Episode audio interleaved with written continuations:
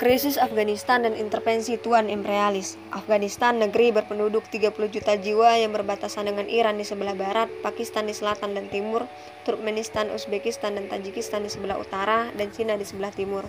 Kini kondisi Afghanistan berpotensi mengalami krisis setelah sejak Amerika mengakhiri misi militer setelah 20 tahun pasukannya menduduki negeri tersebut. Lewat pernyataan resmi Presiden Joe Biden, Amerika tidak punya kepentingan lagi di Afghanistan, sebab tujuan mereka sudah tercapai. Pertama, melenyapkan pemimpin Al-Qaeda yaitu Osama bin Laden, dan kedua, menggerus kapasitas Al-Qaeda hingga tak mampu lagi melancarkan serangan ke darat tanpa mansam. Namun benarkah karena kedua tujuan itu telah tercapai lalu Amerika hengkang dari Afghanistan? Menurut pengamat politik internasional Budi Mulyadi SIP MSI, mundurnya Amerika dari Afghanistan ialah langkah untuk mendapatkan kemenangan lain. Namun, sebagian umat Islam yang tidak memahami dengan benar situasi politik di Afghanistan justru menyambut senang kemenangan Taliban di sana. Ia yang seolah-olah membawa representasi dari Islam yang akhirnya membuat umat Islam lupa memahami bagaimana langkah dan arah perjuangan mereka untuk menerapkan Islam secara kafah.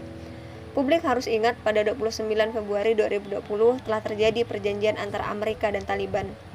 Perjanjian tersebut ialah pejabat Amerika dan Afghanistan mengumumkan bahwa Amerika dan NATO akan menarik pasukan mereka dari Afghanistan dalam waktu 14 bulan jika Taliban memenuhi komitmennya berdasarkan perjanjian yang ditentangani di Doha. Jika publik mengikuti dengan jeli pemberitaan serta berbagai analisis dari berbagai pengamat politik internasional, akan didapati bahwa Taliban saat ini bukanlah Taliban yang berjuang menerapkan Islam secara kafah, melainkan Taliban yang siap diajak kompromi dan berunding lewat perjanjian. Seharusnya Taliban mencampakkan atau menghentikan seluruh negosiasi dan perundingan dengan Amerika, kemudian memperjuangkan serta menerapkan sistem Islam secara kafah dengan memperjuang dengan perjuangan mencontoh metode Rasulullah SAW. Rasulullah SAW mencontohkan langkah-langkah menegakkan negara Islam. Metode tersebut dibagi ke dalam tiga tahapan. Tahapan pertama pengkaderan, tahapan kedua interaksi bersama umat, termasuk di dalamnya mencari dukungan dan pertolongan.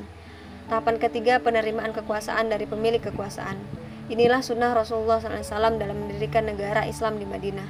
Metode menegakkan negara Islam sejalan dengan metode mengubah masyarakat yang tentunya harus memiliki pemikiran dan perasaan Islam agar akhirnya mereka memahami pentingnya penerapan Islam secara kafah.